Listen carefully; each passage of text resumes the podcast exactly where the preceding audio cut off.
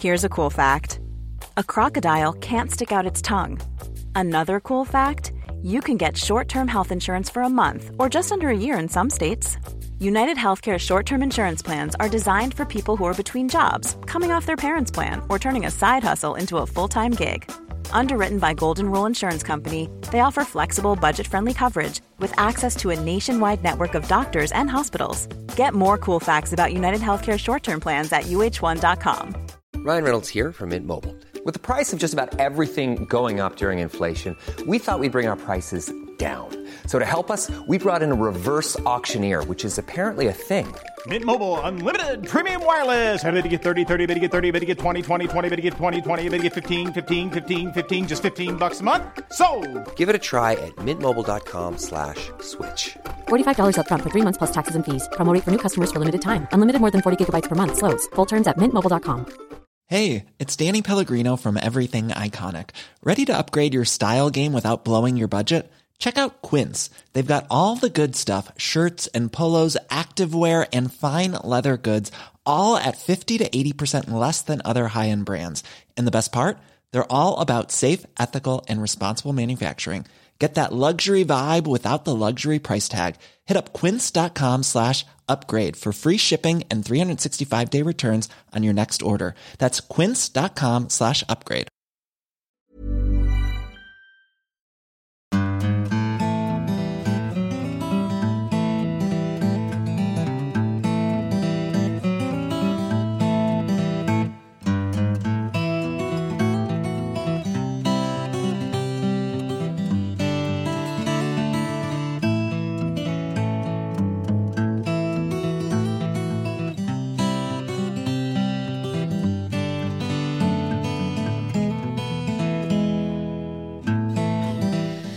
Ja, velkommen til en ny episode av Hall og knall-podden. Vi holdt på å prate oss litt bort her under introen. Men hjertelig velkommen til deg som hører på, og hei og hå til deg, Kristine. Hei, Robert. Ja, hvordan er ståa om dagen? Nei, ståa er vel omtrent sånn som eh, forrige uke. Ja. Eh, det er kaldt og buff. Buff. Bare det er enda kaldere nå, faktisk. Ja, det gikk fra kaldt til, eller fra iskaldt til Sprengkaldt. Sprengkaldt, ja. Ja. Det kan godt hende lytterne våre er drittlei nå av å høre hvor jævlig vi har det her nå. Men det er uff. Ja, har man ikke noe annet å snakke om, så kan man jo klage litt. Ja, men jeg har sett på, jeg følger med på det her Nettatmo-appen. Ja. Til dem som ikke vet hva det er, så er det jo en sånn her eh, værstasjonsak som du kan koble på veggen ut, eller hvor du måtte ønske. Og så kobler du den opp mot nett, og så kan alle i hele verden som har lasta ned Nettatmo-appen, sitter og se hvor kaldt det er akkurat hos deg. Og så kan du koble på vindmåler og altså en regnmåler, og så har du liksom en fullstendig værobservasjonsstasjon. Ja, så har du jo også ikke minst en eh, litt eh, en sånn artig aktivitet da, her når man sitter inne i Ja. Se om det er noen eh, verdensdel eller land som slår oss. Ja, Og det er det jo absolutt. Ja, men i det siste har det ikke vært mange. Det har vært en par plasser borti, langt, langt borti Russland som har Ja. hatt en par grader kaldere enn vi har hatt det i våre nordområder. Ja. Men det var det jeg skulle si. At um, jeg har sett at nede i sånn, hva det heter, nordre Østlandet, ja. søndre Trøndelag, der har det vært eh, sprengkaldt der òg. Har det det? Ja, ja, ja. Så det er ikke bare vi her oppe som vet hvor vi bor. ja, vi vet nå hvor vi bor, vi òg, her i Eh, Sørlandet tviler for at det er 25 minusgrader. Ja, jeg gikk en dialektfelle. Ja, Ja. det gjorde du. Nei, men ja. Ja, nei, så eh, stå eh, Ja, altså, det er jo bra. Men eh, jeg kjenner jo, jeg er jo lei av å, å ja, være liksom inne av kulda. Og altså, det er ikke bare av kulda, for at det er jo ikke lyst der heller mer. Det er jo skjemt i noen timer. ja det, det er sant. Det er faktisk et veldig, veldig fint Jeg, slutter ikke å bli forbausa over det der fantastiske lysfenomenene som er rundt uh, i horisontene om dagen. Ja. Jeg sa det forrige gang, men uh, gode ting kan ikke gjentas ofte. Nei, det er, så, ja, det er en positiv som kommer med kulda. Det er at det blir klårvær, og det blir, eh, da blir det skjønt i hvert fall i tre timer, da. Mm. Istedenfor halvmørkt i to timer.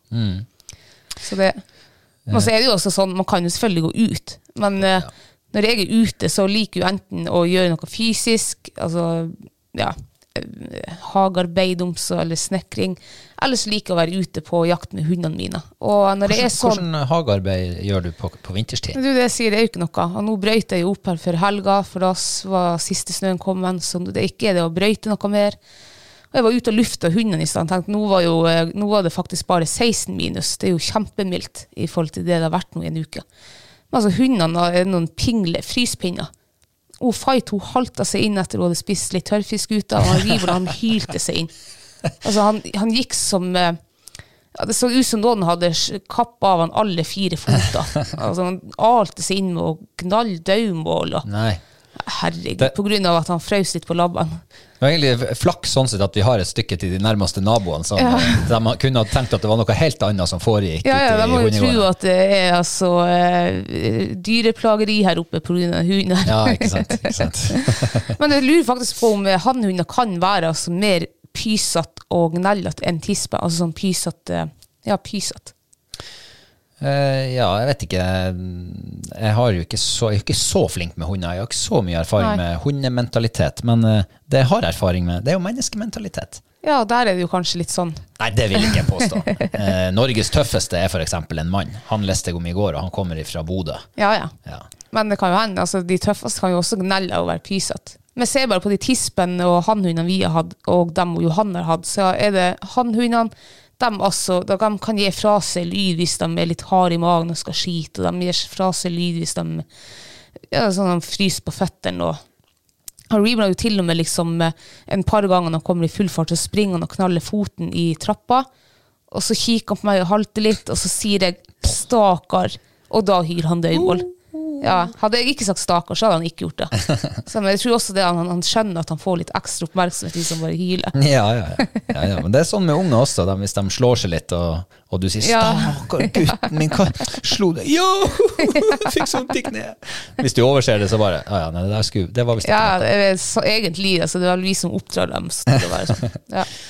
Ja. Eh, nei, eh, men eh, vi, har ikke, vi har jo vært sånn bitte små lufteturer ute i, i helga. ja. Ja. Uh, for du har jo det her uh, gaupekameraet ditt stående ute i, i skogen. ja. Ja? Ta en kjapp status der. Uh, ja, jeg kan jo bare si at uh, gaupa hadde gått forbi, men ikke Ai, rett ai. forbi kameraet. Den hadde gått 15 meter i høyre bak kameraet. Uh, så Typisk. ja, når vi la kameraet ditt for en par uker siden i Bikkmørta, egentlig på en relativt kjent plass Jeg har vært der tusen ganger før i skogen og trødd, og vet akkurat hvor gaupa går hen. Men det var, jeg kjente meg ikke igjen eh, den, den gangen vi var der for to uker siden, med snø og ja, Plutselig var jo halve skogen var jo knekt der. Sikkert av den stormvind, eller vindstormen vi hadde der i høst. Så jeg kjente meg ikke igjen, så vi bare la kameraene på en plass og satsa på at eh, det var der. Men nå fikk jeg flytta kameraene, så nå vil jeg få bilde av gaupa neste gang. Ja. Og det jo, altså, jeg har jo ikke bare kameraene bare for å få bilde av gaupe, for har, altså, det er jo ikke så spennende å få bare dårlige viltkamerabilder av gaupe, men det er jo for å observere litt sånn før jakta begynner, og kanskje ja, muligheten til å, å, å få familiegruppe på, på kamera hvis det skulle være der. Ja. Uh, ja. Og, og på samme turen så uh, var vi med litt påfyll til jervåta mi. ja. Og uh, Var det noe jerv der? nei, Nei. ingen jerv. Nei. Jeg hadde hatt havørna der, Ja. men eh, ikke noe jerv. Mye kråke og ravn. Og havørn. Skal du jakte på haver nå? Nei, nei, det, det var ikke det. Men det er jo første gangen jeg har fått bilde av havørn, tror jeg. Ja, ja. Um, men eh, jeg var tok ned, i forkant av det så var jeg tok ned mårfella mi, for eh, du fikk jo helt rett. Det var ikke, det var ikke dugende, det der Nei. matinga som jeg hadde gjort i den fella.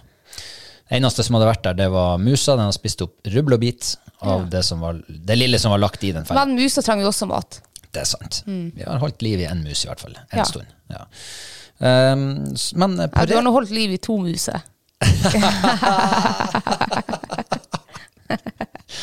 Lol. ja, Det kan man si. Lol, lol altså. Ja, jeg syns du tok den der fint, altså. Ja. Men eh, du, fikk jo, altså, du fikk jo tatt ned den mårfella, og det var jo på oppturen til Jervåt, og det var jo kjempeflaks. Det var kjempeflaks. Ja. For på nedturen, vi hadde akkurat starta å kjøre fra Jerveåta. Mm. Kjørt 30 meter, og så bare What? Hva er det der for noe? Mm. Det var spor av et eller annet. Ja, der var målen. Kryssa veien og for inn i skogen. ja. Da er det bare én ting å gjøre. Følg de sporene. Få den fella rigga i umiddelbar nærhet. Ja. Og ladd den med godt med åte. Ja. Var, var du fornøyd nå med åteladinga mi? Ja, eh, for vi sto jo kanskje en eh, ikke, 70 meter fra bilen, og så spurte jeg ja, hva du skal feste de her åtene med. Nei, du hadde jo en liten pinne der du kunne tre på noen sånn her fiken. Ja, så, men den- det hundefôret, nei, du- det, du hadde nå ikke noe, liksom. Og jeg spurte deg, skal jeg springe opp til bilen og hente sånn netting? Nei da, sa de, det trenger du ikke. Men jeg ser du s- holdt, er til å rigge opp denne fella der med et par sånne her fikenbiter. Altså, jeg, had, altså, jeg har ikke trua på det Nei. da, da tror jeg, for du har jerveåte de 150 meter i luftlinja ved sida, så da måtte jeg springe opp og hente den der, eh, den der nettingen, så at du fikk fylt i litt hundefôr og daller og, og svisker og alt mulig. Så nå har jeg trua, ja. Jeg er veldig glad for at jeg har akkurat deg, liksom. Ja, Som kan uh, vise meg vei inn i det vise hva som skal til.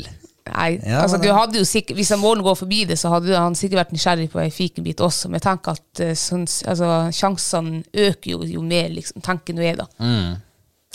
Ja, det er mulig du tenker rett, og det, det gjenstår å se nå. Ja. Eh, Og så har det jo funka tidligere, Ja. akkurat den metoden. Så med hundefôr inni meisebollenett Ja. inni fella. Inni i fella, ja. Yes. Eh, nei, men det blir spennende. Jeg har plutselig fått trua, for det, det der er sto, har stått nå i to og en halv uke. Det har ikke vært spor. Det har ikke vært spor av noe. Ikke fugl, ikke dyr. Kun musespor. ja. Og nå er det jo så mye snø at det snart blir to musespor i sneen. Hvis du går attmed de musesporene. Jeg tar trua på meg. uh, ja. Nei, så det er litt sånne traurige dager. Ja. Er det ikke det? Uh, ja. Men det var en ting jeg glemte å si til å begynne med. ja. Um, vi, har jo, uh, vi har jo planlagt en sånn julegavespesial denne episoden. Eh, og den kommer litt seinere. Skal vi komme med masse gode julegavetips. Ja. Både fra oss og fra dere som lyttere. Så det tror jeg blir bra. Ja, det tror jeg også. Ja. Eh, men eh, ja, når det er kaldt, da får man jo mer tid å være inne.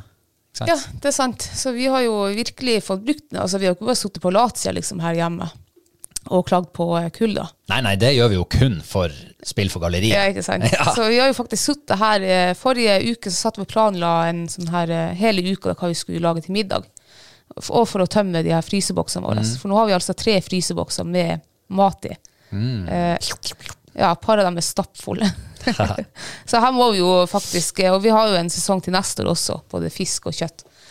Så eh, Ja, for vi har vært i litt sånn eh, en dyp bølgedal matmessig i det siste. Ja. Vi har virkelig vi har kasta øksa utfor blinken. Vi har ikke truffet blinken engang, Nei. for å ta det på farmenspråket. Nei, faktisk så er det så ille som du eh, sier det her. Mm. Eh, vi har lagd eh, mye OK mat, men så blir du litt lei det. Det føles ut som du Jeg syns vi har lagd en del OK minus også mat. Uh, Ja. Det har sett fryktelig bra ut på bildet, liksom, når Ja. vi har tatt bilde av den maten. For, ja. For jeg må si, for jeg driver og sender snap av maten vi lager. For det ser jo jævlig fint ut. Du er jævlig god å dandere, du. Uh, så fikk jeg noe melding hos mor di her, var det i går? Og sa dæven, det så eh, bra ut. Så, Sa ja. dæven? Nei, hun sa vel ikke det, men jeg sa det.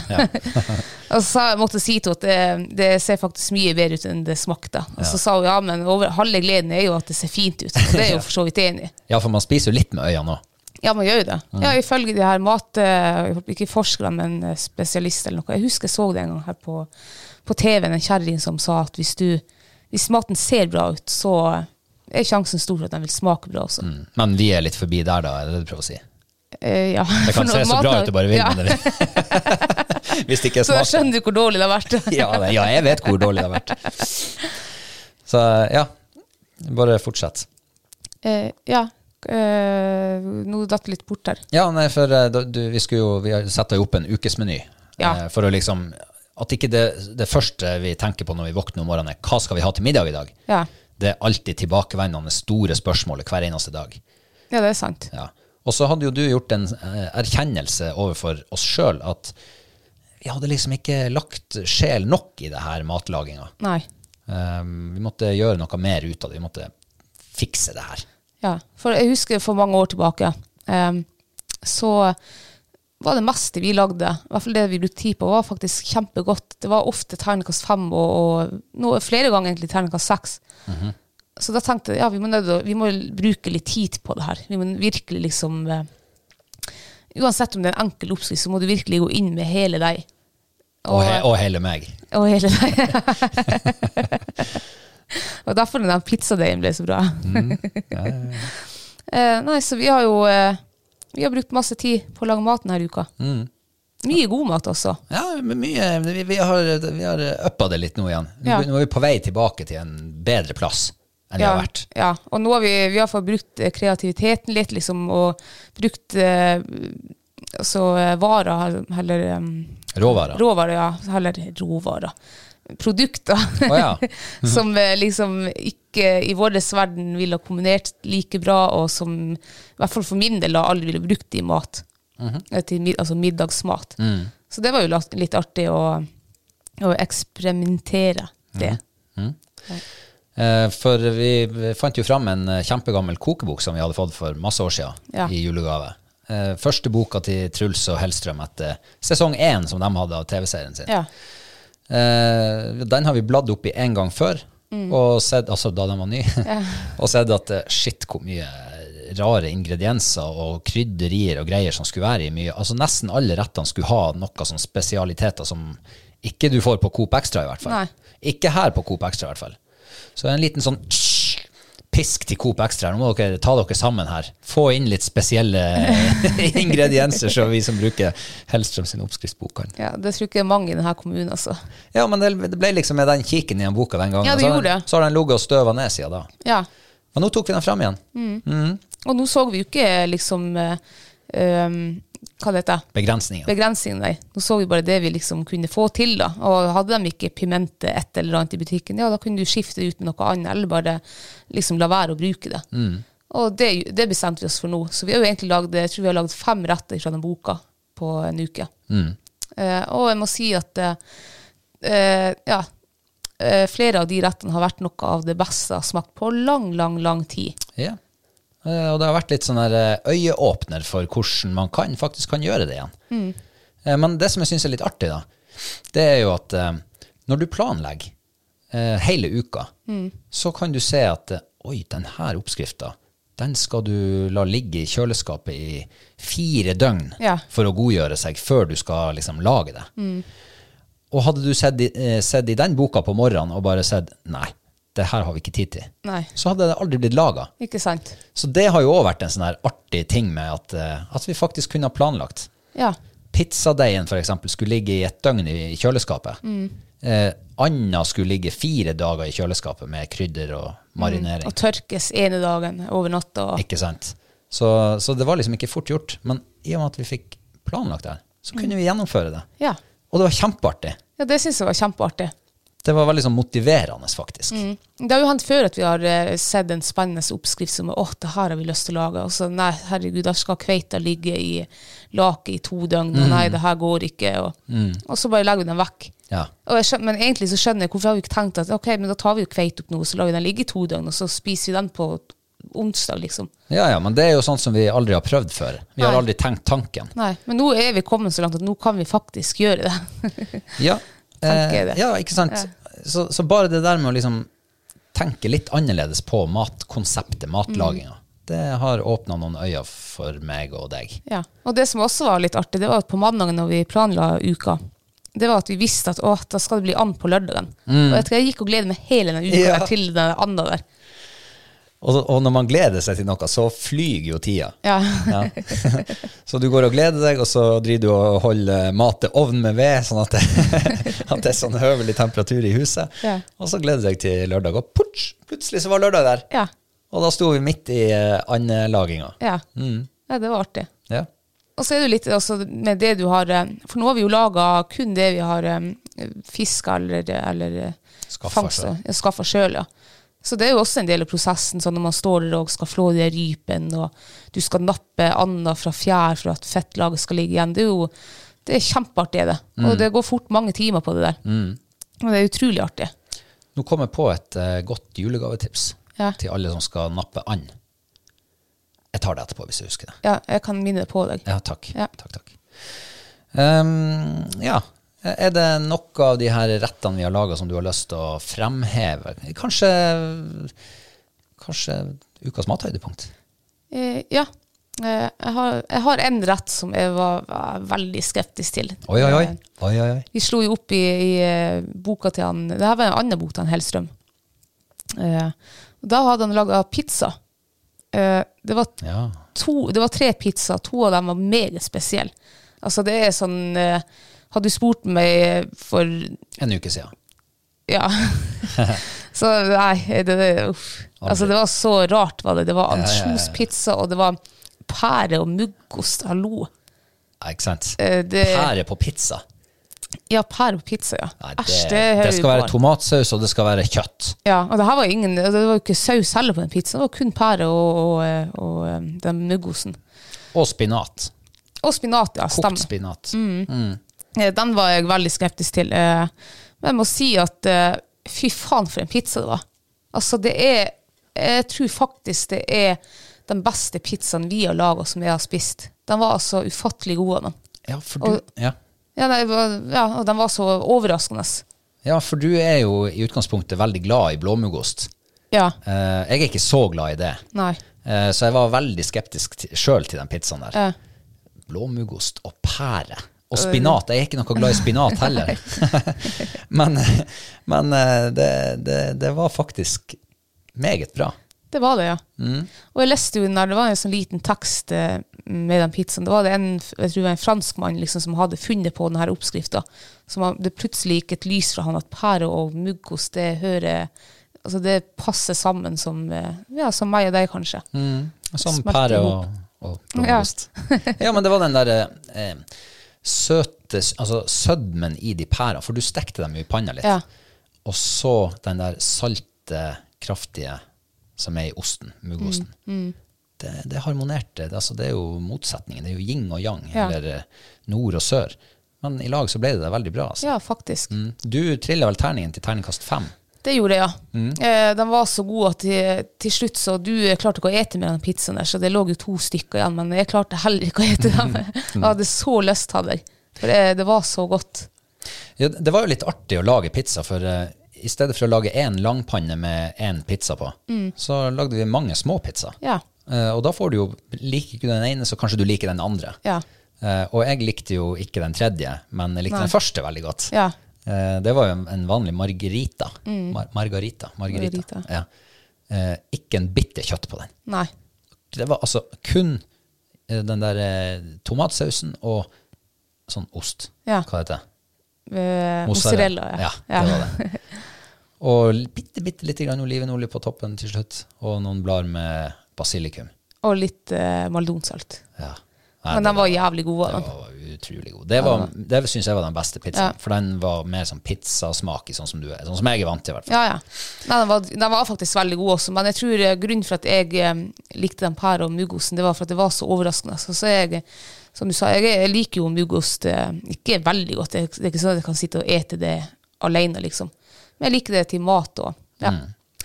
Eh, og den prosessen med den deigen var jo òg veldig artig. Mm. Som jeg nevnte i sted, det begynte på fredag, lot det stå i kjøleskapet over natta, lagde en ny deig og blanda inn den gamle deigen fra Ja. dagen før.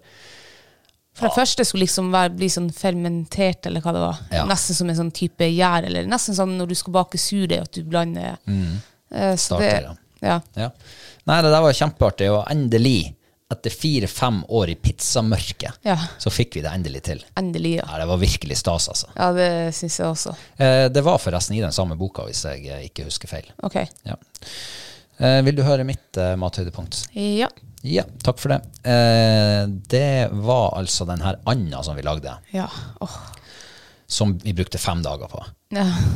Ja, og, og altså, når du holder på så lenge med å liksom forberede maten, så stiger jo forventningen dag for dag. ja, det gjør den Så forventningen var jo skyhøy.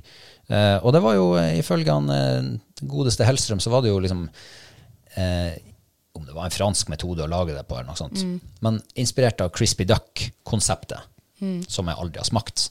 Så jeg vet ikke om det her var i nærheten. Men eh, marinere den der eh, anda i fire dager i kjøleskapet. Henge den til tørk i én dag for å tørke skinnet. Ja. Og så liksom ause kokende olje over den der anda i fem minutter. Ja. Eh, Det var, eh, ja, det var, det var kult. ja, det var Jeg har aldri hørt om den måten å liksom steike kjøtt på. Det var ikke steiking, men sånn tilberede, da. Nei, ikke sant? Eh, Så det var, det var kjempestas, og, og veldig gode smaker. Eh, Nå husker jeg ikke hva tilbehøret var til det her, men eh, Men det husker jeg. Vi lagde jo, eh, vi lagde jo sånne små um, kinesisk lefse. Pannekaker Ja, det var det, ja. til. Og så hadde vi rå grønnsaker i tynn, tynn, tynn, strimler. Og hoisinsaus. Og soyasaus. ja. Og de der, de, de der pannekakene, det var kinesiske pannekaker. Ja. Dampa i ovn, Ja, ikke stekt i stekt i panna. Nei. Aldri prøvd før. Eh, Det hadde sikkert vært eh, enda bedre hvis du hadde ordentlig sånn der, han, eh, Bambus eh, ja, sånn dampekurv. Ja. Så det der var kjempekult, og en kul måte å spise på. Du spiser sakte, du sitter og prater. Jeg føler at vi fant litt tilbake til oss. Mm. Ja, sånn for- mange år siden når vi Ja. Mm. sto og liksom kosa oss en hel dag eller en hel kveld på kjøkkenet. Drakk litt vin, kosa oss med matlaginga, venta Mm. på at ting skulle bli ferdig. Prata, vi prata i lag. Ja. det var, altså- åh. Jeg likte også både fredag når vi spiste pizza, så hadde vi jo Vi lagde jo om så hvor mange småpizzaer. Det var jo sånn som du får til fordel liksom på en restaurant. Og da sitter du der i Du sitter jo hele kvelden der og, og spiser og prater og koser deg. Og det samme med Anna. Det var nesten sånn tapas, fordi den, eh, den eh, kinesiske pannekakene var jo veldig små. Så det var jo en munnfull liksom i hver bite. Så var, jeg syns det var skikkelig artig, artig måte å ete og lage mat på. Vi kan vel eh, konkludere med at det anbefales å prøve litt sånn der eh, slow food making. Ja. Går ikke det an til å si? Ja. Ja. Og jeg anbefaler absolutt å lage en sånn ukesmeny. Eh, Kikk og bli litt inspirert, i, enten på nettet eller i bøker, og, og skriv ned, og så gjør det. Det var kjempeartig, var det. Just do it. Ja. Eh, vi har siden sist eh, trekt en heldig vinner av ditt utrolig vakre mørketidshjerte. ja. Jeg ble ferdig med den i går, jeg. Ja. Ja. Eh, ble du fornøyd med den?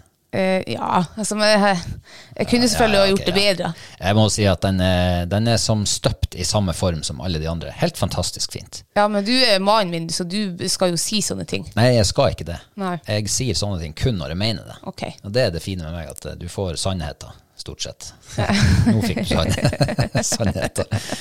Eh, ja, så den er da trukket ut eh, blant en av våre kjære patrions, og um, den heldige denne gangen, det er en god herremann som heter Jeg tror det er herremann. En god mann. som heter Arve Gunnleiksrud. Gratulerer så mye. Ja, gratulerer. Så den, eh, det eneste utfordringa nå er å finne noe høvelig å pakke den i. Ja. Det er jo ganske stort. Ja, den er, jeg tror den er 1,10-20 eh, meter. Ja, ble det feil? En, 1, ja, En det 20. En 20 ja. En 10. Nå, der i høven, liksom. Veldig stort hjerte. Det, det, det er hele ditt hjerte, og vel så det som ligger i det hjertet der. Ja. Ja. Så jeg er litt usikker på om jeg må ned på Ellon og spørre om de har en gammel TV-eske eller et eller annet sånt høvelig å pakke den i. ja, eller så må vi bare kjøre ned dit og levere den personlige. Spørs hvor den bor den, da. Eh, ja, jeg har jo fått adressen nå, så jeg kan kikke på det. Ja. Kanskje jeg sender deg ned i, sånn rett før jul. Ja, Da må, jeg må, da må jeg bestille en sjåfør, for jeg kan ennå ikke kjøre bil med det øyet mitt. Unnskyld. Da Ja. sender vi den i posten. Ja, vi finner en TV-eske. Eh, Arve, gratulerer så mye. Mørketidshjertet er på vei. Nå skal vi over på eh, det vi egentlig er her for. Vi skal eh, redde julegavehandelen for alle sånne som oss. Har du forresten begynt å handle julegaver sjøl? Eh, ja, jeg er ferdig med to. Oi. Jeg har eh, Jeg er ikke begynt ennå. Så jeg må eh, Jeg tenkte jeg skulle begynne nå eh, i morgen, etter vi, har, vi er ferdig med den her, og så skal jeg lytte igjennom episoden og få noen gode Ja, jeg håper jeg, blir, jeg får litt tips nå også. Og tenk, hver Helgolands jul, altså, så tenker du når jul er ferdig, at neste år så skal jeg begynne tidligere med pakkene. Ja. Og så gjør du ikke det. Du klarer ikke det. Nei, jeg begynner senere hvert år. Jeg Ja. tenker i morgen, Neste år så skal jeg begynne tidligere, og så begynner jeg senere. Ja. For eh, det er Til slutt så står du på eh, trappa på Coop-en eh, 24. desember morgen og skal handle inn. Jeg husker en gang vi var små, jeg var vel kanskje en eh, åtte-ni år gammel. Ja. Så hadde jeg og broren min vi hadde glemt å kjøpe julegave til foreldrene Ja. våre. Altså, jeg vet ikke om vi hadde glemt det, men vi hadde i hvert fall utsatt det veldig. Og julaften på morgenen så var vi på Storslett, og eh, den eneste butikken som var åpen, det var kiosken. Ja. Så da måtte vi inn der og kjøpe en sånn der nøtteskål med forma som en nisse. Det, ja. var det, det var det vi kom fram til. ja, ja. Så eh, nei, det kan vel lønne seg å være litt tidligere ute enn det. Ja, det tror jeg. Og, nå begynner vi sikkert å nærme oss eh, siste frist for å sende pakka i posten, hvis man skal gjøre det. Og, Mm. ja. Ehm, ja, skal vi bare gyve på? Ja. Jeg har lyst til å begynne med den som jeg kom på her i sted. Ja. Eh, For det at eh, den store eh, utfordringa når du skal ribbe en and, f.eks., Ja. det er at det er så forbanna mye små, småhår, småfjær, som du aldri får bort. Ja. Du, du får dem bort, det da bare tar skrekkelig lang tid. Så når du er liksom ferdig med den grovribbinga, eller litt finribbing, Mm. og alle de der bitte små dunene igjen Hvis du hadde hatt en sånn der crème brûlée-brenner, Ja. så hadde du bare Åh, borte. ja.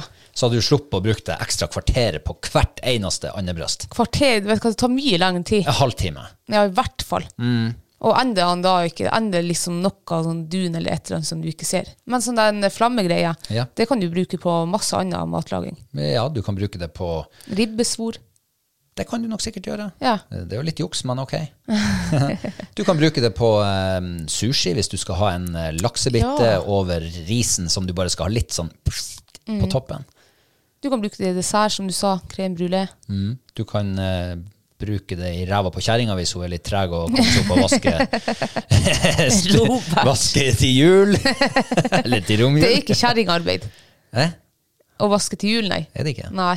Ta det i ræva på mannen da, hvis han er Ja. treg og kommer Og så kan du bruke Jeg så jo han eh, Hellstrøm, han sto jo og eh, med en sånn flamleringsmaskin og, og uh, grilla sånn paprika.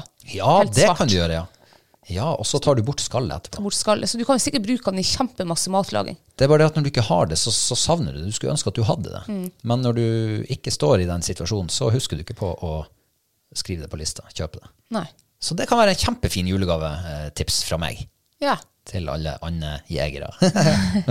Eller matlagere. og dessertelskere. Ja. Ja.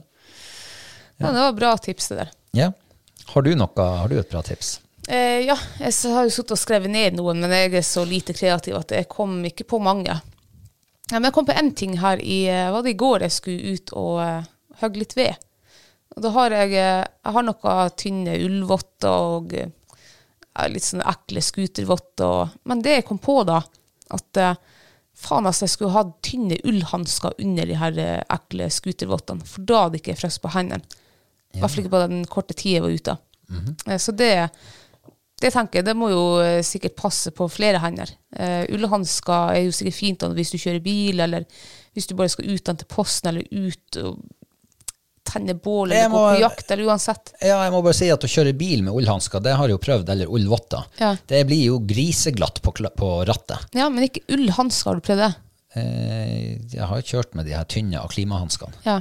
Og de er jo glatt, ganske glatt på rattet. Så hvis du skal ha en brå unnamanøver for en elg som kommer stupende ut i eh, vintermørket over veien Men da tror du på bremser. Ja, må, ja ok. Ja. Nei, men, eh, ja. Nei, men ull, Men ullhansker ullhansker i hvert fall, det mange tenker, altså jeg har tenkt liksom å, ja, ull, eller votter og sånn her, men ullhansker altså. For den kan du ha under vottene dine, den kan du bruke på sommeren hvis det er litt kaldt i, når du er på fjellet på fisketur. Du, får, du kan fiske for det om med liksom flue og, når du står i april i havet, liksom sjøen og skal fiske. Og, Så ullhansker, ja. April i sjøen. Eller mai. Ja, ja, men da er det jo ganske kjølig. Det er jo det. Og da kunne du også Tenk hvis du hadde hatt sånne Du hadde ett par vanlige ullhansker, og så ett par med sånne bare fingertuppene klippet bort. Ja, Det blir, kan kanskje funke bra som fiske, Ja. fluefiskehansker. det kan det sikkert, ja. For det bruker å være en fordel å kjenne litt på snøret, liksom. Ja. Om du har snøret i bånn eller ikke. Er det fiske med? Mm.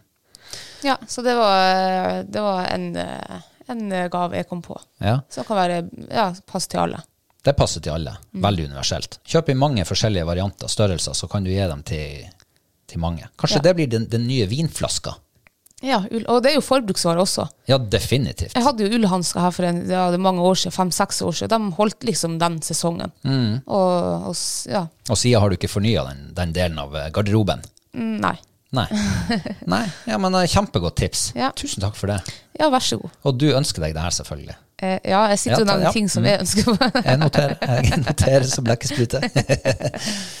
eh, vi har jo eh, bedt dere lyttere også om å, å komme med deres tips. Eh, og vi har fått inn en god del, faktisk. Å, nå er jeg spent. Mm.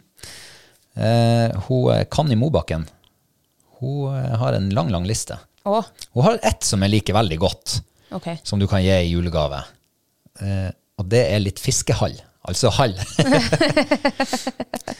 ja, hva du, hva du tror du om det? Ja, altså, det er jo ikke Du kan kanskje ikke gi det til Gud og hvermannsen. Nei, det er jo det jeg tenker, du kan ikke Du gir det ikke til bestemor di. Nei. Her har du gavekort på litt halv bestemor. Eller best- Eller til uh, mannen til venninna Ja, di, liksom. Eller? Ja, ja, ja, nei, ja. nei, det er bare av gårde. Feil av gårde. Men det er jo en fin ting å gi til f.eks. kjæresten sin, eller, Mm. eller er det, det er vel ikke eller. Kjæresten eller samboeren eller mannen eller kvinna eller Ja. ja, Til den du deler, deler rommet. deler parkeringsplass med. Ehm, og så kan man jo eh, hekte på, selvfølgelig. Kanskje du kan eh, pakke en eh, bitte liten massasjeolje inn, som At det blir litt Ja, nei, jeg vet ikke. Men uh, hun hadde en til uh, som jeg syns var, var god. Ja. Men Eh, du, ønsker du deg fiskehall? Altså, det er litt sånn off-season akkurat nå, men det skal ikke være for gammelt, vet du. Nei. Det er jo røyefiske snart. Ja, det er jo det. Men da må du vente til skal vi se da, midten av januar. Før jeg kan løse inn gavekortet. ja, ja, ok, da ønsker jeg meg hall. Hvis det, er det, hvis, det, hvis det er sånn eh, jeg skal få fisk, så få hall. Ja, så ønsker jeg meg det. Em, ja, hun kan jo ha den til. Uh, hun henger på helt til slutt på lista si. Ikke minst en lommelerke. Lommelerke, ja. Ja, for det er greit å ha med seg hvis man enten får storkveita, eller Ja, får skutt ja. en god elg. Ja. Da kan du feire litt. ja. Ja, Det er jo faktisk sant, det. ja, har du lommelerke? Jeg har det ikke. Nei, jeg har det. Har du det, ja? Ja, jeg har det. Mm, Bruker du den? Nei, Nei. jeg gjør ikke det, for jeg skyter jo ikke elg. Nei. Ikke får storkveite heller. Nei, det er sant. Så du får aldri brukt den der lommelerka. Nei, jeg gjør ikke det. Og så er jeg ikke så glad i sprit heller. Nei. Altså, jeg vet ikke om det er det samme. Jeg kan jo slenge på en eh, solbærsaft eller noe oppi der. Ja, du trenger jo ikke å ha noe alkohol oppi der. Nei. Men det er vel kanskje det som er nærliggende å ha i en liten lommelerke. Ja. Det er jo sånn du skal lure deg en sup når du begynner å fryse eller noe sånt. Ja. Uh, nei, altså det nærmeste lommelerket jeg har vært, det er jo den eh, champagneflaska jeg har hatt i sekken når vi er i Sverige. ja. Eh, for den skal jo liksom gjøre samme nøtta, da. Er Lå den mange år i den sekken din? Ja, den lå en del år, ja. Ja. Tre- Tre-fire år, tror jeg. Så, um, men en liten lommelerke tar jo mindre plass og veier litt mindre. sånn, Så jeg er jo glad i lite vekt, så. Ja. Så det er i hvert fall, et, eh, det er i hvert fall en, eh, en fin gave. Og man kan jo gravere inn storkveite eller Ja. elggevire på. Du får jo sånn der med Men lommelerke, altså når vi er på sommeren og fisker, og det er varmt i været, og vi liksom, nå, jeg tenker nå på sommer da, vi begge to perser på røya. Og da hadde vi jo, vi hadde jo med en liten flaske da. Og da skålte vi liksom med en liten kork. Og det var jo, synes jo jeg var kjempetrivelig. Ja, det var jo det. Så kunne, og den flaska liksom, du trenger jo ikke en, en jeg vet ikke hvor mye det er i de der flaskene, 4 dl eller noe. Ish. Da kan jo lommelerke være redninga, liksom. Det er mindre vekt, og, og du har akkurat nok der til å feire liksom eh, storøya når de biter på. Er det innafor å kjøpe lommelerke i plastikk for å spare vekt? For de er jo laga i aluminium, de her. Eller stål, eller hva det er for noe. Ja, det er vel innom, og så hiver den bare på bålet når du er ferdig. Eh, ja, eh, da har vi eh, tatt med et par tips fra Conny. Eh, har du noen tips? ja, Ja. det har jeg. Jeg har gått og ønska meg dunfotposer. Ja. For det at eh, hver gang vi ligger på fjellet om vinteren i telt, så skal man ut og pisse. Ja. Og så må man trø på seg de der frosne, kalde skiskoene. Og så må du snøre dem litt, og så må du trekke opp det der glidelåsen på gamasjen. Og så kan du gå ut. Og så er de jo så kalde, for de ligger jo nede i kuldegropa. Ja, ja. Og så fryser du tærne dine bort. Det, det er litt sånn styr. ja, ja. Og dem kan du ikke putte inn i soveposen hvis det begynner å bli litt kaldt ikke sant, på, på tærne. Så dunfotposer, gjerne med sånn der eh, sånn en eller annen greie under, sånn kordura eller et eller annet som gjør at du kan trø i sneen med dem. At hvis det skulle være litt fuktig akkurat der du trør, så blir du ikke våt igjen da. Og duna blir ikke våt. Men det, det er jo faktisk genialt det der. Nå er jo jeg så privilegert med at, eh, at du har eh, skostørrelse seks-syv liksom større enn meg, så når jeg skal ut og pisse på vinteren, så tror jeg de er ned i dine sko, og da Mm. Ja. kjenner jeg ikke at de er frosne eller kalde. De er, for mine er jo det, selvfølgelig. Ja. Eh, men jeg har jo skaller også, som jeg bruker å ha Ja, med på vintertur. Og jeg ser jo de skallene der, de er jo Altså, de er helt amazing, er de. Jeg sitter på eh, jeg dem det, altså, det er ikke sikkert alle vet hva skalla er engang. Tror du ikke det? Det er ikke sikkert det. Ja, det, er, altså, det er fotplagg da, som er laga av reinskinn. Gammelt samisk tradisjons... Altså, det er det de Ja. brukte i gamle dager. Og de er så deilige og varme, dem. Og på, eh, på vinteren også, når det Ja, vi, si, vi er oppe med et fiskevann, og vi skal bli der liksom og fiske. Så jeg bruker ikke skiskoene da før, vi liksom, før jeg skal gå på ski. da. Mm. Jeg går rundt med de skallene der, og de er både vanntett og isolerer dritbra. Ja. Så eh, dunposer, ja, det må jo være helt perfekt. Ja, det der er jo, ja, men skalla òg er jo kjempefint. Ja, men det, det er jo et annet tips, da. Ja. eh, Sånn sett. Men skaller kan jo bli, altså skinnet blir jo litt vått, og det tørker seg litt saktere, så det er jo ikke sånn du tar med det heller inn i soveposen. Mm. Eh, dunpos, nei, dun, hva heter det? Dunlester. Ja, Ja, de kan du sikkert gjøre det med. det vil jeg tro. Jeg har jo aldri hatt det, så Nei. jeg er jo litt Men jeg har liksom sett det for meg når vi holder på på vinterstid, at eh, det må være fint å ha. Ja. Og eh, ja, og så er det jo det med dun, ikke sant? at det pakker jo veldig lite. Ja, du kan jo trø et par fotposer inn i pengeboka di, ja, absolutt. hvis du har pengebok mer. Ja. Og så kan du jo eh, Ja, de er veldig lett. Mm. Dun er veldig varmt. Og nå får du jo til og med dun som er impregnert, sånn at de tåler faktisk å bli litt fuktig. Ja. Uh, uten at det kollapser helt. Så ja, Det, dun-fotpose. det passer jo også sikkert for alle. Alle som er ute og bruker naturen på når det er kaldt. Ja, ja, ja, ja. Kan du skjønne. Mm. Um, og så tenker jeg jo at er det mulig å kunne bruke det på sommerstida? Eller altså ikke nødvendigvis midt på sommeren, men sånn som når vi er i Sverige på høsten og det begynner å bli litt kaldt og kjølig Ja. om kveldene. Kunne man ha brukt dem på Trenger man det? Nei, jeg forbeholder vinteren. Men du, eh, nå eh, kan jeg si noe når vi var i Sverige sist, da vi satt inne i, i det teltet og fyrte. Da hadde jeg eh, de den, klamme jaktskoene på. Det var litt sånn her vått og klamt og kaldt. Og så tok jeg på krogsene, de er jo hold i. Og det var nå også kaldt. Så ja, skulle, da kunne man hatt liksom dunpose på føttene. Ja, når du, sitter, i inne- campen. Ja, i campen, ja. Kanskje ikke helt attmed bålet nødvendigvis. Nei, nei, for- Ja, sitte med vin i ryggen, så går det sikkert bra. ja. Jeg tror faktisk du kan bruke sånn dunposer ja, eh, nesten hele året. Altså, kan vi, kan vi rett og slett bare ta det ut til alt i dun? Ja. Dunbukse. Jeg fikk jo dunbukse hos deg i, i bursdagsgave. Mm. Eh, en fantastisk oppfinnelse. Superlett, varme som bare juling. Så eh, det var, det var ufattelig deilig. Mm. Og litt dunjakke. Kanskje dun truse hvis du hadde det kalde slaget. Vet ikke om det fins. Nei, jeg vet ikke. Fins det dun hua? Å ja, det må du vel gjøre. Ja, for det er det eneste liksom, jeg har tenkt noe som, eller, som jeg ikke har sett. da. Nå Når ikke leter etter det heller. Men. Eh, skal vi ta en, eh, et lyttertips? Ja. Ja. Eh, vi har jo vår trofaste lytter og kjære nabo, Mm. hun Sofia Berger. ja. Hun har jo sendt oss eh, mange tips. Jeg kan si det at det er mange som har tipsa om tjukke lester, ull-lester. Sånn på generelt Ja. grunnlag. Ja. Det må, altså, jeg må bare si det med tjukke ullester. Det er jo kanskje en av de fineste julegavene. Det er i hvert fall noe som alle har bruk for. Jeg kan jo også bare si meg sjøl, jeg har ønska tjukke ullester siden jeg var ei lita jentunge. Og det er svært sjelden jeg har fått det i julegave. ja, Men det er jo ingen som strikker ull-lester mer nesten Ja, det er synd. Ja, det er kjempesynd. Men det, jeg husker når bestemor eh, levde. Ja. fikk Hver jul så fikk jeg eh, hjemmestrikka, og jeg visste hva jeg fikk i julegave. Og det var så koselig og deilig. For da var de sokkene jeg fikk forrige jul, de var liksom holdige og slitt. Og, Ja, var det koselig? ja, jeg syns det var koselig. Ja, jeg satte pris på sånne ting. Jeg. Jeg fikk akkurat det samme hos min bestemor. Mm. Hver jul så var det nye lester i grønn, nei ikke grønn, men grå, grått ull. Helt Mm. naturell. Det var alle, og alle i hele familien, alle barnebarna. Jeg tror hun hadde sikkert jeg vet ikke, 25 barnebarn, minst. Hun har hatt mye arbeid da. Ja, men det er jo sånn man ikke tenker på før du blir voksen. Nei. Og ser hva, og begynner å tenke over hvor mye tid hun måtte ha sittet. Hun har hatt den fabrikken gjennom Ja. hele året, det er jeg sikker på. Og leverte til, og ikke bare barnebarna, men svigerbarn og barn. Alle fikk Ja. lest, lester eller votter. og Pissekjedelig der og da, når du er ti, år- ti år gammel og får, du vet hva du får hos bestemor din. Men når hun gikk bort Det er ingen som kommer med de der julegaver. Så nå, nå er det enten gamle lester, eller så er det kjøp lester, eller Det er ingenting det er som det slår de der. Nei. Nei.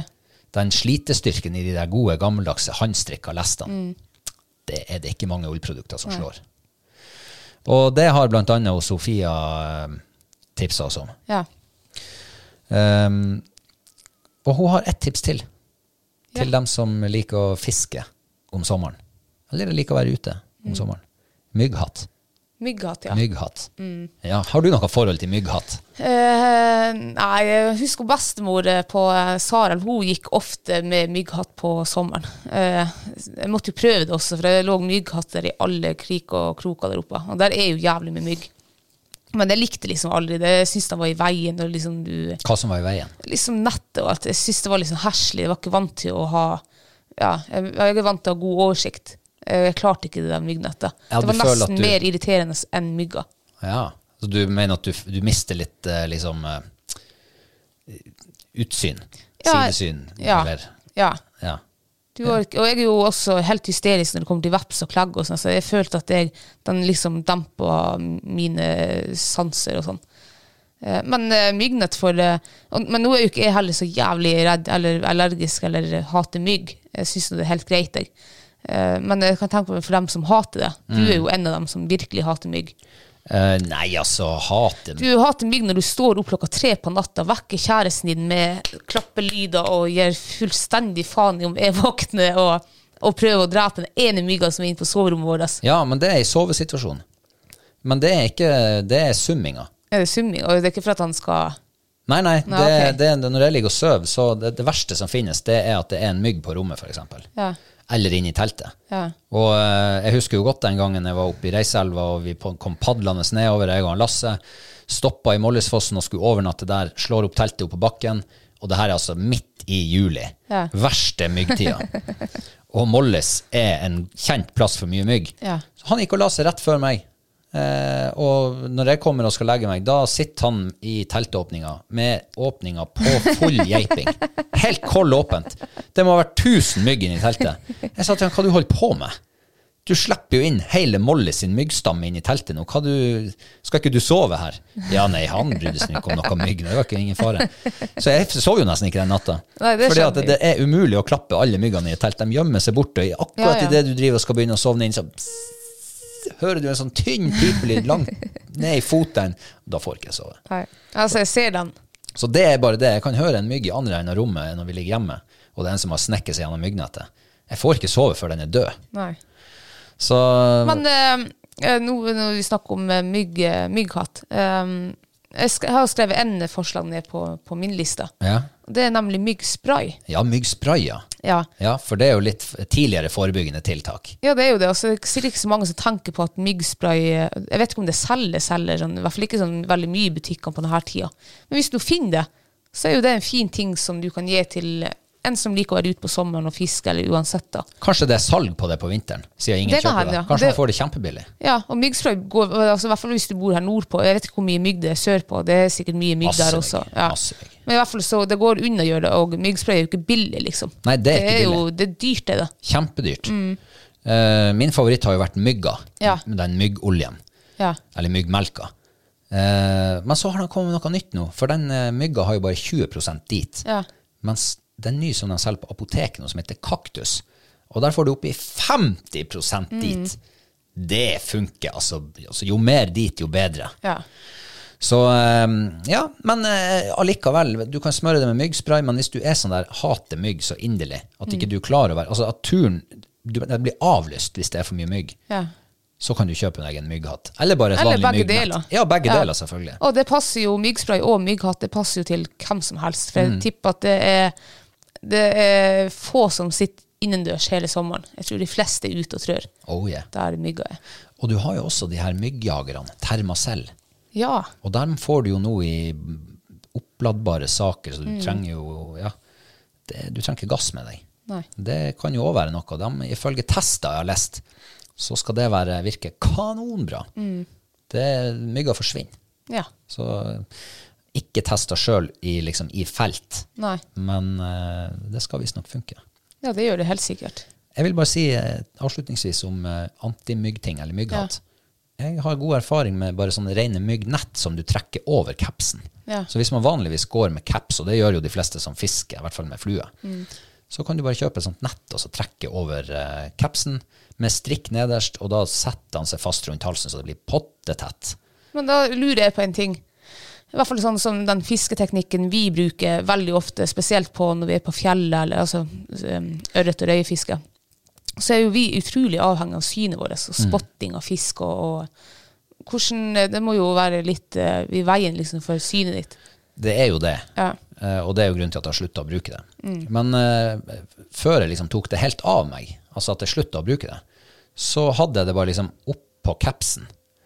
Altså sånn at eh, den liksom bare lå over capsbremmen, og så Ja. ned over ørene i sånne her krøller over ørene.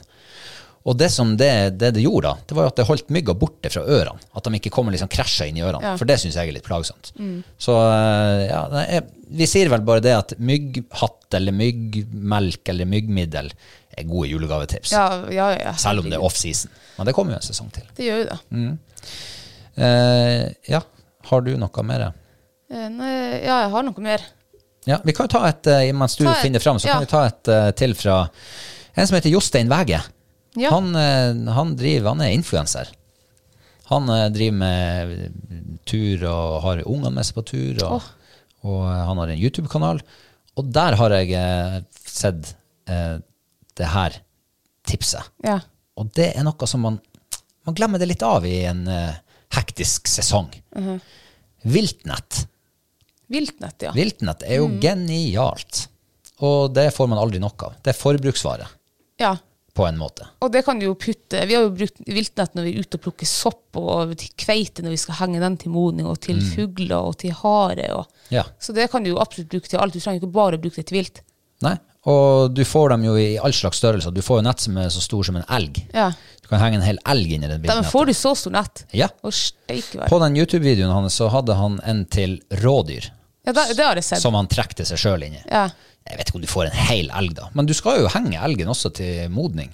Du lar den jo henge litt før ja, du skjærer den opp. elgjakta begynner jo litt seinere. Det begynner jo 25. september. Ja, men hvordan tror du det er sørpå? Her oppe er jo myggsesongen over, fluesesongen, men kanskje sørpå er det en helt annen situasjon. Nei, tror du det? Jeg vet ja, nei, jeg vet ikke. Jeg husker ikke hvordan det var når vi var der i august, men det var jo sikkert eh, litt flue. Mygg var det, knott var det. Ja, det Nei, jeg tipper at insektsesongen varer lenger der. Ja, det gjør det nok sikkert, men Men uh, insekter eller ei, du får dem i forskjellige størrelser. Mm. Uh, kjøp noen i sån, sånne til tiur, altså til fugl. De er sånn fin størrelse på til veldig mange ting. Mm. ja.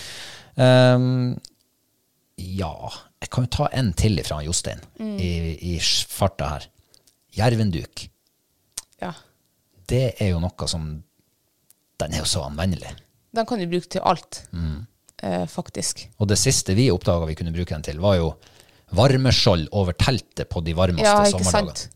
Hadde ikke det vært for det, så hadde vi omkommet på fjellet i sommer. Ja, altså turen vår, eller spesielt hundene sine, hadde vært ødelagt. Vi måtte ha pakka ned fra fjellet og bare gått hjem med de stakkars hundene. Mm. Men takket være de jervendukene som vi fant ut å snu på, på ranga, liksom. Eh, det hjalp. Det ble sånn en svalt inn teltet, så hundene fikk ligge der og ha det fint. Og du kunne jo faktisk bruke dem til å bygge opp et, eh, en solskjerm ute, med, ute også. Mm. Eh, Så akkurat nok til at hundene får seg et litt, en liten skyggeplass. Ja. Helt fantastisk. Du kan bruke den til le for regn. Det har vi jo gjort. Eh, Mm. Du kan, jo, du kan jo redde livet ditt inni den. Ja. Alle burde egentlig ha en jervenduk i sekken høst- og vinterstid. Mm. Minst én. Det er en ting du ikke bør liksom belage deg på jervenduk, for det svei jeg meg på her for eh, seks år siden. Jeg skulle eh, på min andre turdate med, med han som sitter på andre siden av bordet her nå. Altså, det er meg du snakker om. her. Det er deg jeg snakker om, ja. Ja. Vi var jo liksom uh, så vidt begynt å funne tilbake igjen. Så vi skulle på, uh, på fiskevann, og da skulle vi overnatte en natt. Og det her var jo i slutten av august. Um, men jeg tenkte at jervenduk, det må jo være kjempefint å ta med. Det veier mindre enn den svære soveposen jeg hadde da. Får bedre plass i sekken. Ja, så tenkte jeg, det er jo ikke så kaldt nå. Det er liksom ja, 10 plussgrader. Og eh, jeg tenkte ikke at eh, vi var på eh, ja, 500-600 høydemeter, og, at det skulle bli kveld og natt. Så jeg tok med tynn jervenduk, og den skulle jeg ligge i. Og jeg holdt på å fryse meg i hjel natta der. Altså, det sludda jo på vei opp dit. Det gjorde det, ja. Jeg kan tenke meg og forestille meg hva du gikk og hvor du gikk og grua deg til å legge deg den natta. Oh, nei, jeg tenkte ikke på det. Jeg, bare, jeg tenkte jeg hadde skikkelig bra utstyr med meg nå. Ja. Det kanskje tok den også med for, liksom, for å imponere deg. For at jeg, Ja, du er ganske barsk og tøff. jeg har uh, utstyret mitt på, uh, på G. Jeg har faktisk overnatta, eller eh, gjort et forsøk på å overnatte i Jervenduken midt på sommeren. Ja. Eh, hvor jeg og Daniel gikk til et, eh, et vann.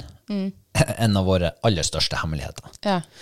Um, og da skulle vi bare en snartur dit. Men det var altså så bra klekking der at det ble natt, og vi tenkte vi kan ikke gå tilbake. Vi kan ikke avslutte fisket nå. Ikke hadde vi telt med, ikke hadde vi sovepose med, vi hadde ingenting. Vi hadde jervenduken. Og de originale jervendukene, de er ikke laga for at voksne folk skal ligge og strekke seg ut inni dem. Nei. De er jo bare en 20 lang eller noe sånt. Ja, ja. Så vi ble jo liggende i fosterstilling inni der, beint på bakken. Det var både kaldt, og det var ikke myggtett, og du ja, og meg med mygg om natta når jeg skal sove. Så det var bare å stå opp midt på natta og gå hjem. Vi Og dere gikk hjem? Ja, vi var nødt. Ja. Det var umulig. Ja. Men jervenduking har reddet liv, og kan gjøre mange andre gode ting. Og det er jo en sånn ting du for Jervenduken eh, er jo eh, ganske kostbart. Ja. Men hvis du liksom er, kjenner en stor familie, f.eks., så kan du kjøpe en jervenduk til dem, eh, altså til familien. Mm. Som alle kan få nytte av. Eller så kan man, eh, hvis, man, hvis familien er spredd for alle vinder, og alle Ja. fuglene har fløtt- ut, så kan man jo kjøre spleiselag. Ja, det kan man jo absolutt. Alle søsknene spleiser på det til eh, mor eller far, eller, eller til en felles venn, eller noe sånt. Mm. Ja. Så det, spleiselag er jo kjempe... Ja, ja. I stedet for å kjøpe masse sånne ræl som ingen har bruk for, så du får fem pakker med ræl, Ja. så kan jo du få én pakke fra de samme fem, hvor det faktisk er lagt litt, eh, litt mer effort i det. Mm. Og du får faktisk noe som du har med deg i mange, mange år. Ja. Ja, har du eh, funnet fram et uh, nytt eh, tips fra deg? ja. Jeg har funnet fram en Mulig også at jeg nevnte den her i fjor også, det husker jeg ikke. Ja, hvis Men- den er bra, så får du lov å ta den igjen. Ja, jeg syns den her kan være skikkelig bra. Det er noe som jeg kunne blant annet ønske meg. Mm. En turkurv. Turkurv. Som, ja, som du kan fylle inn i Du kan fylle inn i litt eh, spekepølse, tørrfisk, og så vinglass i tre. Det har jo vi fått et år. Eh, og de har jo faktisk eh, tatt med oss til Sverige og hadde Ah, ja, sånn ja, at du lager en sånn her kombipakke. kombipakke. og Du kan ha Ja. vin oppi, du kan ha ost, kaffe, turfjøl, sjokolade. Altså Du kan fylle den kurven med hva du vil, og hva som måtte passe for, Mm. Ja. for den eller de personene. Det er jo sikkert en fin ting å gi til f.eks. Et, et par eller til, til en familie. Mm. Da kan du putte inn litt um, voksen, god snacks, f.eks. Ølpølse. Ja, ølpølse eller tørrfisk og en, eh, en god øl, f.eks. Konjakkule. Ja, og til ungene kan du hive oppi Is. Ikke is. Nei, kanskje ikke du, is. kan, du kan jo det, men mm. det vil vel smelte under juletreet. Ja. Ja. Men sånne der ting. Eh, ja, det syns jeg er en uh, genial gave å gi bort. Og ikke minst å få. ja. Tror jeg. jeg har aldri fått det før, men jeg vil tro at det må være kjempestas. Det er jo litt artig med litt sånn eh, Ja, de der eh, litt sånn eh, forundringsgavene. Mm. Skal du pakke inn alle de småtingene hver for seg, og så legge dem oppi den kurven som er pakka? Så Ja, det blir mange pakker. så da får alle Da pakke opp hver sin gave. Da skal jeg kjøpe en Twist-pose lagt også i og pakka inn. De er jo pakka inn. Nei, jeg tar du det, åpne dem og så pakka dem inn. Ja, skjønner, skjønner, skjønner, Ja. Ja, du, det der var ikke dumt. Det er litt artig. Mm. Artig, artig tips. Og det er jo noe som du kan også se fram til å planlegge. At oh, nå har vi denne pak turpakken, kurven. Nå må vi dra ut og lage oss et fint bål eller et eller annet og bare nyte det her. Mm. For du må ikke sitte inne i stua og nyte det. Blir juks. Du må ut, liksom. Ja, Det er en av poenget. Hvis du i tillegg legger ved en fyrstikkeske og en bitte never, Ja. så kan du ut og ta deg et godt tall- og knallbål. Ja. Ja. Den var ikke dum, nei. Jeg tenkte faktisk på never, også hjemmelaga never. Hjemmelaga never. Ja, for jeg så jo på den Hvordan eh, lager man det? Ødemarkens menn. Ikke never, men eh, tenne- tennbrikke, mener jeg. Ja, Ja, han fant jo elgskit, og så helte de oppi noe slags eh, ja parafin på det. parafin, ja, og lot dem tørke eller noe sånt der. Og det brant visst som faen. Så det er jo også, du kan jo gå ut i skogen og plukke elgskitt. Og så gjør du det til opptenning til fattern. Ja, det, fan, det skal jeg gi til mamma i julegave. Ja, gjør det. Det er litt kult. en pose med det. Pakk dem opp i en sånn der eh, bønnepakke, sånn, sånn sjokoladebønnerpakke. Legge dit norgesklasse. ja. Eh, da går vi over til uh, han Christian Ersfjord. Ja. Han, har, han er inne på det her med hjemmelagd. Og eh, det her er jo en uh, pakke som kanskje i hovedsak egner seg til fluefiskere. Men det kan funke til andre fiskere òg. Hjemmelagde flue. ja. Er ikke det litt kult? Det må jo være kjempekult. Det syns jo jeg er mye mer stas å få, flue på, få fisk på en flue som er lagd sjøl, eller lagd av noen som har lagd den sjøl, liksom. som ikke er kjøpt på butikken. Eh, for det ligger jo litt arbeid bak. Ja, det gjør jo det. Og, og nå, de der fluen der, jeg, jeg gidder ikke å kjøpe mer flue på butikken, for det kost, tenk, det koster 100 kroner for ei lita ørretflue. Det er jo helt sykt. Ikke sant? Du svindyrt, syns jeg. Så tenk hvis du som fluebinder tar og kjøper deg en sånn liten flueboks. Det trenger ikke å være av de dyre sakene, en, en- til en 50-lapp. Og så fyller du den med en eh, åtte-ti forskjellige fluer som er sånn Ja. sikre stikk. Det er jo genialt. Å, mm, å gud, altså. Hvorfor kom ikke jeg på det sjøl? Christian, du er genial! Ja, det var faktisk eh, genialt, det der. Håper ikke vi avslører nå hva alle Christian sine kompiser får i julegave. ja, og, for, eh, og, og så Gave er jo litt sånn fint å kunne liksom lage, presentere litt på en fin måte. Og du kan jo ta hjemmelagde fly og så bare stappe dem ned i en sånn liten ziplock-pose, og så pakke det i en uh, konvolutt eller noe. Hvis du kan pakke inn hele flueboksen med de fluene oppi. Ja, det er Men hva hvis du lager flueboksen sjøl også? Ja, da er vi utafor mitt nivå, i alle fall. Det er sikkert noen som kan det òg. Altså, det kan jo være hva som helst. Du kan jo om så ta ei rikule og skjære hull i den, og så snekre på en neverlokk eller et eller annet. Så, så lage en sånn personlig Ja. flueboks som ingen gidder å ta med seg på fjellet, da, men, men som er fint å ha. Kan stå til, på peishylla. Ja. Ja, hvis det er en fin rikulekopp, i hvert fall. Ja, ja, ja. Det- Det er bare fantasien som setter grenser. Ja. Men det med sånn altså, hjemmelagde ting som i tillegg er brukbart, som man kan bruke til noe, det er jo stas uansett. ja, absolutt. Og sånn som det her som Kristian sier med flue, det er jo forbruksvare. Det er jo det. Du knuser noen fluer, og fiskene eter dem og ja. mister. Ja, det er ikke alle som mister. Men eh, mange blir mista i trær. Ja, eller i, i fjærsteinene. Eller i fjærsteinene. Tanga. Mm. Kjempebra, Kristian. Eh, jeg har et eh, lite tips til. Ja. Jeg har aldri prøvd det sjøl, men jeg kjenner at jeg eh, begynner å få litt lyst til å teste det. Ok. Hansker med varme i. Sånn varmeelement. Sånn oppladbare varmeelement. Ja. For at jeg er jo en sånn der fryspinne blitt Mm. med årene. Frys fort på fingrene, og når jeg først har begynt å fryse på fingrene, så er det vanskelig å få varmen tilbake. Eh, og jeg kan jo velge å ta votter på. ja. Eh, Votter hjelper jo mye jo, bedre. ja, men du blir jo litt sånn fanga i det. Ja, du blir hemma. gjort- Hemma, ja. Ja, ja, funksjonen fingrene funker jo ikke. Ikke. Det er ikke alt du får til Nei. med votter på. Nei, ja, med votter på. Men hvis du hadde hansker på, Mm. så hadde du klart å løse de aller fleste oppgavene. Mm. Eh, og hvis du i tillegg hadde vært varm på fingrene, så hadde du hatt finmotorikken i orden. eh, så det tror jeg kan ja, jeg- leste nylig at det norske skiskytterlandslaget skal få sånne der. Å. Og skiskytterne bruker jo sånne tynne hansker. ja, jeg skjønner ikke at de ikke fryser når de, De går fryser jo. Det er jo Ja. derfor de skal få tak i ja. det. Ja, ja, ja. For franskmennene bruker det nå. Gjør de det, ja? Ja. Og det er klart at når du er i Kosamoa og går eh, verdenscuprenn i fem, ja, 20 minus, Ja. Uff. i- med de tynne skytehanskene uh, ja. Så vi holder jo på på samme måte. Ja. Vi, går jo, vi skal jo sitte og fiske, og vi skal pilke på isen, og vi skal jakte, og vi skal operere i kaldt vær. Mm. Så, Jeg husker noen på det- med de der skiskytterne. Eh, Jeg gikk på jaktprøve for noen år tilbake. Det var 18 minus hvis det er ned liksom i lavlandet. Oppe på fjellet så var det nok sikkert mer minus og pluss vind. Jeg husker siste slippet vi hadde med, med Det var to hunder igjen i VK-finalen. Og både jeg og han holdt på å fryse oss i hjel på fingrene. Vi tenkte at blir det fuglearbeid nå, vi har ikke kjangs å skyte. Så vi ga begge pistolene bort til dommerne. Vi bare Det her går ikke. Eh, Så varmehansker, ja. Der, det hadde jo funka. ja, Kjempebra. ja, hvis det funker. Ja, vi, jeg har sett mye sånn på internett, eh, Instagram og sånn. De skryter noe veldig av det der. Ja. Om de gjør det for at de er sponsa, det, det vet du ikke. Eh, Men det skulle vært artig å prøve.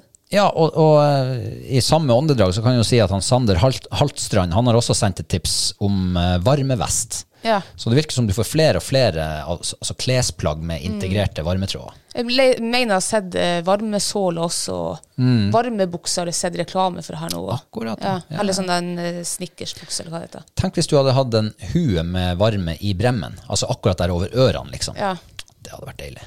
Jeg, har nemlig, jeg har kjørt bil med varme i rattet. Det var. Mm. behagelig på vinterstid, altså. Ja. Nei, man må holde fingrene og ørene varme. Ja. Det er jo så- Hele kroppen varm. Føttene varm. Ja. Jeg tenker jo at sånn her varmeklær, når du begynner å få sånn varmevest og varmebukse, det må jo være perfekt når du sitter på post en plass Ja. og skal postere, og det er iskaldt rundt deg. Det trenger ikke være iskaldt heller, men du blir kald av å du sitte blir i ro. hustrig hvis du sitter der mange timer. Ja. Jeg ser jo når jeg har vært på, på Jervebu og det er litt kaldt, og, sånn, og innen fryseboksen Oh, ja. så blir det gjerne fort kaldt. Da skulle jeg ønske jeg hadde et eller annet dunbukse eller Ja, det var varmebukse. varmevest eller Ja. Shit. Det hadde vært skitbehagelig. Da kunne man jo sittet faktisk en hel uke. Da kunne du sittet en hel uke. Ja. Nei, det der er jo helt genialt. Mm. Uh, har du noen flere? Um, Nja Jeg kan ta en i mellomtida her. Ja. Um, skal vi se, han eh, samme Sander, han har jo foreslått noe som uh, ikke jeg har tenkt på. Nei. Hva med å eh, gi bort en eh, jakt- eller fisketur Ja. til en eller annen? Mm. Um, ja, jeg vet ikke hva jeg skal si om det. det jeg, jeg liker tanken. Eh, faren er jo at du må ta med deg når, Hvis du gir bort noe, en sånn fisketur for eksempel, så får man jo litt sånn der eh, Du må jo levere. Da må du nesten ta med den du gir det til, til en av dine indrefileter, kanskje. Nei, det trenger man ikke å gjøre. Trenger du ikke det? Nei, nei, nei, er du tullete? Nei, ok. Ja, hva, vil- hvordan skal du designe en sånn pakke, da? Nei, du tar den, du, pakken er at du kan være med, eller vi drar på fisketur, eller du blir med på fisketur, og du trenger ikke å ta den med liksom til eh, Da er det tur, Det- liksom. Ja, det er som om du skulle ha, hvis du skulle ha gitt eh, middag for to, eh, men du kan ikke gi gavekort på bios, liksom, for da må du prestere, så må du begynne å, å gi gavekort på smak til 6000 kroner, liksom. Du trenger jo ikke det. Du kan jo gi gavekort på grillstua, liksom, eh, hamburger.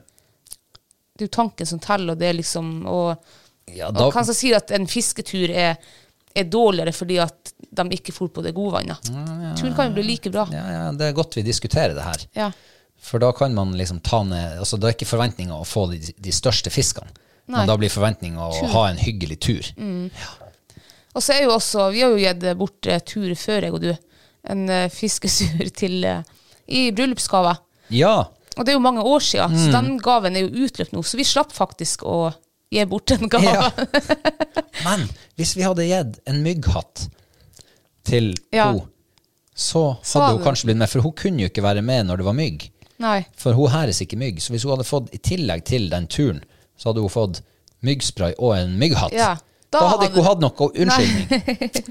Så husk, hvis dere skal gi vekk turer til, og ikke gi noe ekstra med, for da er sannsynligheten for at du slipper å, å liksom gjøre den turen da.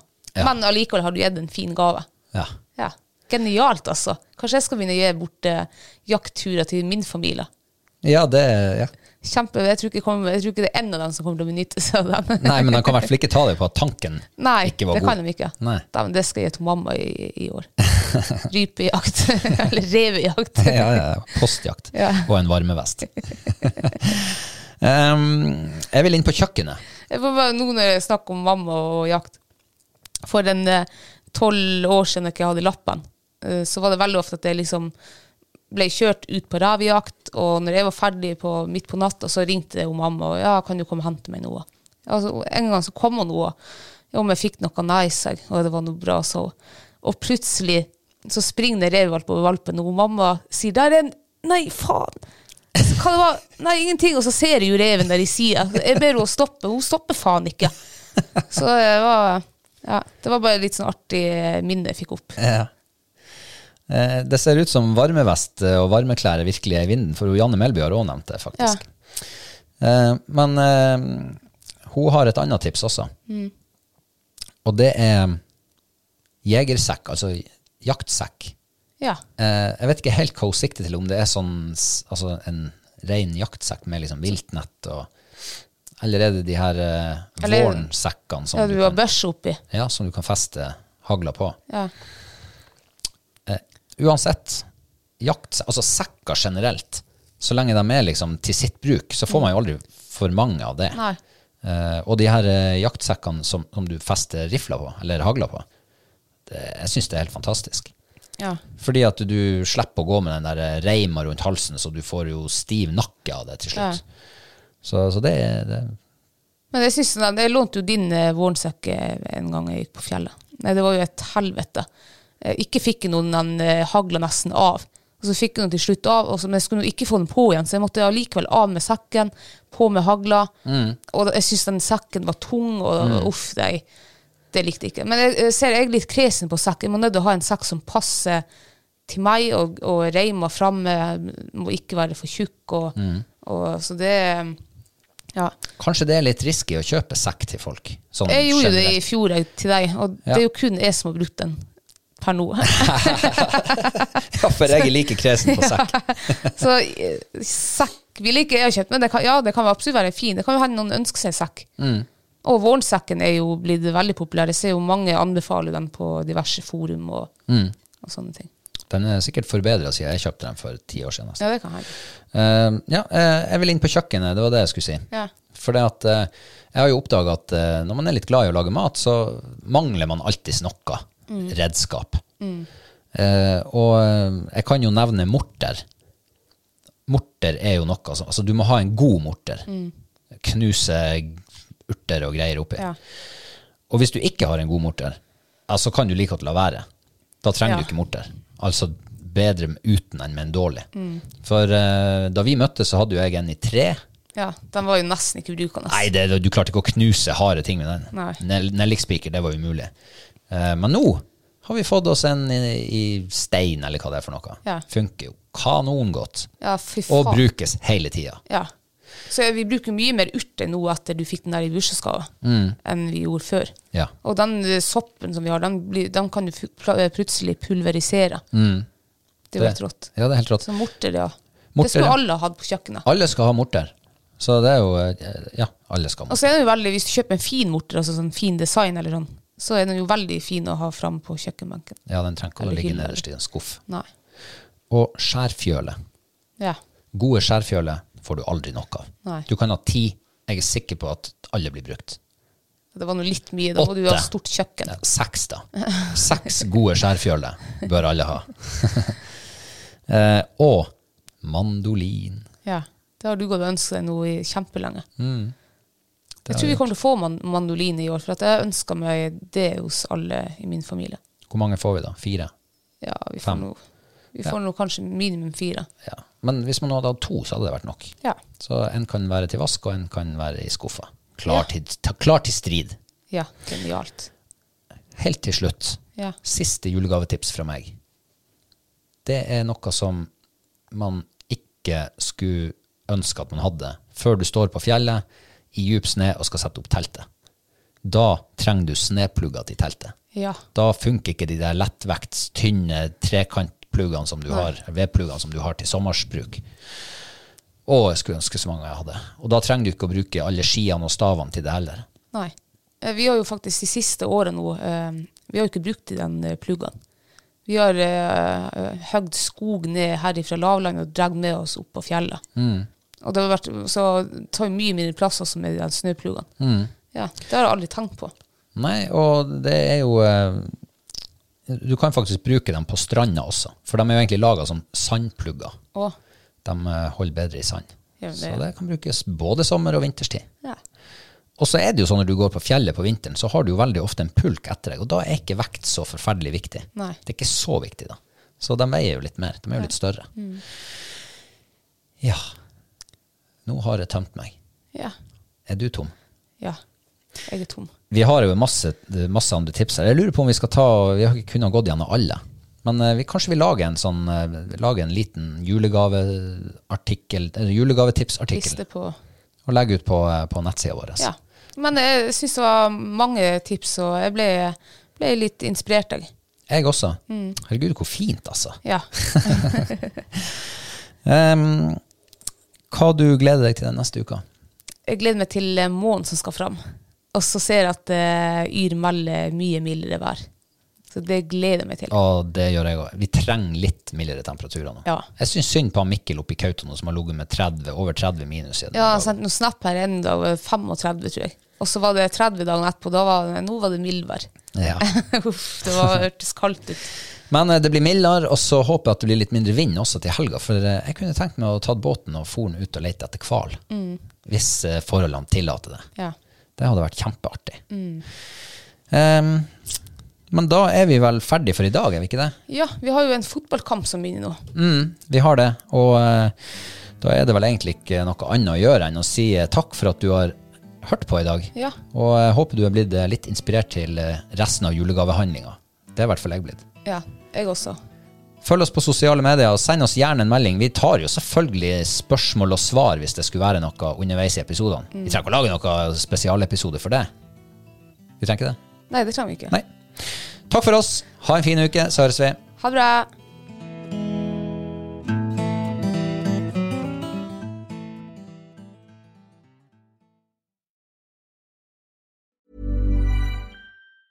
Hi, I'm Daniel, founder of Pretty Litter. Did you know cats tend to hide symptoms of sickness and pain? I learned this the hard way after losing my cat, Gingy. So I created Pretty Litter, a health monitoring litter that helps detect early signs of illness by changing colors, saving you money and potentially your cat's life. Pretty Litter is veterinarian developed, and it's the easiest way to keep tabs on your fur baby's health right at home. Go to prettylitter.com and use code ACAST for 20% off your first order and a free cat toy. Terms and conditions apply. See site for details. Ever catch yourself eating the same flavorless dinner three days in a row?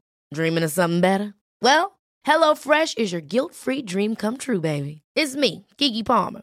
Let's wake up those taste buds with hot, juicy pecan crusted chicken or garlic butter shrimp scampi. Mm. Hello Fresh. Stop dreaming of all the delicious possibilities and dig in at HelloFresh.com. Let's get this dinner party started. Hi, I'm Daniel, founder of Pretty Litter. Cats and cat owners deserve better than any old fashioned litter. That's why I teamed up with scientists and veterinarians to create Pretty Litter. Its innovative crystal formula has superior odor control and weighs up to 80% less than clay litter. Pretty Litter even monitors health by changing colors to help detect early signs of potential illness. It's the world's smartest kitty litter. Go to prettylitter.com and use code ACAST for 20% off your first order and a free cat toy. Terms and conditions apply. See site for details.